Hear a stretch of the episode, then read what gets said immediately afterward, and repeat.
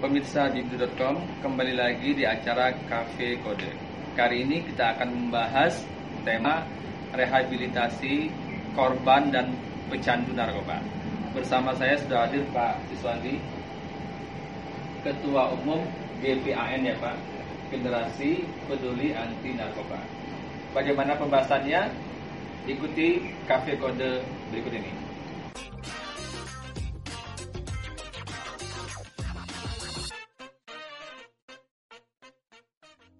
Pak Wandi, uh, sebaiknya orang bilang uh, pecandu narkoba itu direhabilitasi. Mengapa begitu Pak? Terima kasih. Kami dari generasi peduli anti narkoba hanya punya misi dan visi satu, mencari, menemukan dan mengajak para korban penyalahgunaan dan pecandu narkotika mari bergabung dengan GBAN untuk kita lakukan rehabilitasi. Tentu ada aturan mainnya, di aturannya itu dikatakan salah satu klausal uh, bagi para korban penyalahguna dan pecandu narkotika yang melaporkan diri kepada institusi penerima wajib lapor IPWL tidak dituntut pidana. Ada satu lagi yang menjelaskan dengan transparan korban penyalahguna dan pecandu narkotika wajib direhabilitasi. Nah, tentu ada dua. Bagi korban dan penyalahguna uh, narkoba sebelum tertangkap oleh aparat penegak hukum BNN maupun Polri maupun Becukai atau yang sudah ketangkap. Kalau bagi yang belum itu dia kalau mendaftarkan kalau bahasa GPN ya, kalau bahasa hukumnya melaporkan uh, bagi ya, korban penyalahgunaan dan penyalahgunaan narkoba yang melaporkan diri ya, tidak ditutup pidana. Bagi korban penyalahguna dan pecandu narkotika wajib direhabilitasi jadi bagi uh, rekan-rekan semua pemirsa, apabila uh, kena narkoba ya, sebelum tertangkap oleh aparat, mari kita mendaftarkan diri untuk direhabilitasi. Bagaimanakah yang sudah tertangkap oleh aparat? Tentu ada aturan mainnya. Uh, di pasal 127 Undang-Undang Narkotika 35 2009 itu sudah dijelaskan pasal 127 uh, barang siapa dengan sengaja memiliki, menguasai, menggunakan bagi dirinya sendiri narkotika itu ditutup pidana maksimal 4 tahun. Bagi uh, semua orang yang menggunakan bagi dirinya tentu ada tim assessment. Ini di assessment. Apakah dia korban apakah dia pecandu apa dia kurir dan pengedar. Nah, Mahkamah Agung mengeluarkan surat edaran.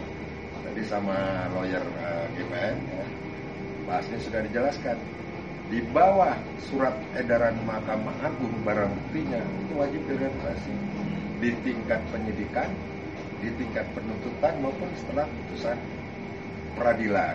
Ya seperti ekstasi tadi 8 butir. Ya kalau narkotik jenis sabu itu 1 gram, macam-macam heroin 1 gram. Ini yang banyak salah kaprah. Itu orang tertangkap kena narkoba walaupun dia penyalahgunaan dan pecahan udah panik bingung sehingga diperiksa sama penyidik ya bukan ditempatkan di rehabilitasi tapi di penjara. Itu yang kita bilang korban penyalahgunaan dan pecandu jangan dikriminalisasi. Karena apa? Rehabilitasi itu juga hukuman. Hukuman. Jadi orang yang direhabilitasi itu hukuman. Karena nanti tak kala ada sidang ponis itu dipotong masa rehabilitasi. Contoh kasus banyak. Contoh Ridho Roma itu tak kala dia ponis dia korban penyalahguna itu 10 bulan oleh pengadilan negeri. Sudah selesai menjalin rehabilitasi. Tapi karena JPO tidak puas dia banding ke pengadilan tinggi. Pengadilan tinggi juga mengkukuhkan ponis daripada pengadilan negeri. Tetap rehab 10 bulan. Sudah selesai. Kenapa kejaksaan ini melakukan kasasi? Itu yang tidak fair. Ya. sehingga ponis kasasi ya satu tahun setengah penjara Bagaimana udah 10 bulan rehab sudah keluar, di penjara lagi masuk, sekarang masuk. Nah, surat edaran maka maka agung yang menyatakan di bawah SEMA itu direhabilitasi, kenapa ditabrak sendiri oleh keputusan Mahkamah Agung? Ini yang masyarakat bingung. Ya kan? Kita lihatlah, bukan kalangan selebriti siapa pun. Karena di undang-undang itu tidak menyatakan siapa dia. Ya, barang siapa itu semua orang. Semua.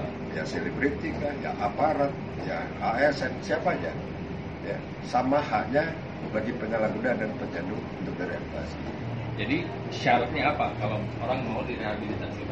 Syaratnya apabila dia sebelum tertangkap sama aparat, ya dia melaporkan diri.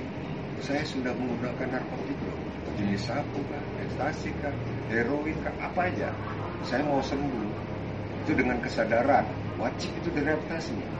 Bagi yang sudah kena aparat ketangkap, buktikan apakah dia kurir, dia pengedar, apa dia korban. Kalau dia memang saya sudah menggunakan kayak seperti LL yang terakhir kalau saya lihat ya, dia sebelum tertangkap aparat itu sudah menggunakan lima bulan enam bulan yang lalu. Apalagi dia sudah ada video beredar yang, yang dia katanya depresi kata lawyernya, padahal itu mungkin ketergantungannya kuman. Yang jelas hasil tes urinnya positif, barangnya di bawah surat edaran Makamu. Gak usah lagi macam-macam, gak usah di penjara, rehabilitasi. Ya, Silakan proses hukumnya jalan. Nah sekarang kan di penjara kasihan. Itu yang tidak fair itu yang dikatakan sama lawyer asli tadi dikriminalisasikan. Ya. Boleh. Penyalahguna dan pecandu tidak boleh dikriminalisasikan. Oke. Ada kesan uh, hanya orang kaya yang bisa direhabilitasi yang orang punya uang saja pak? Bagaimana bapak menanggapinya? Saya rasa tidak kaya dan miskin ya. Siapa pun bisa direhabilitasi di mana dulu karena parti rehab ini ada punya pemerintah ada punya swasta kalau pemerintah saya rasa nggak bayar karena dibiayain oleh negara contoh itu kalau yang swasta, contoh Inaba di Tasik, banyak lah ya panti-panti rehab. Silakan, mereka punya ketentuan bayar sekian, silakan itu karena swasta, ya tidak didukung oleh anggaran pemerintah. Jadi bukan karena kaya miskin, tergantung dia mau direhabilitasi di mana, kemampuan bayarnya bagaimana bagi yang swasta. Tapi kalau negeri, saya rasa nggak bayar. Jadi tidak benar kalau hanya orang kaya saja yang bisa direhabilitasi ya Pak? Tidak benar.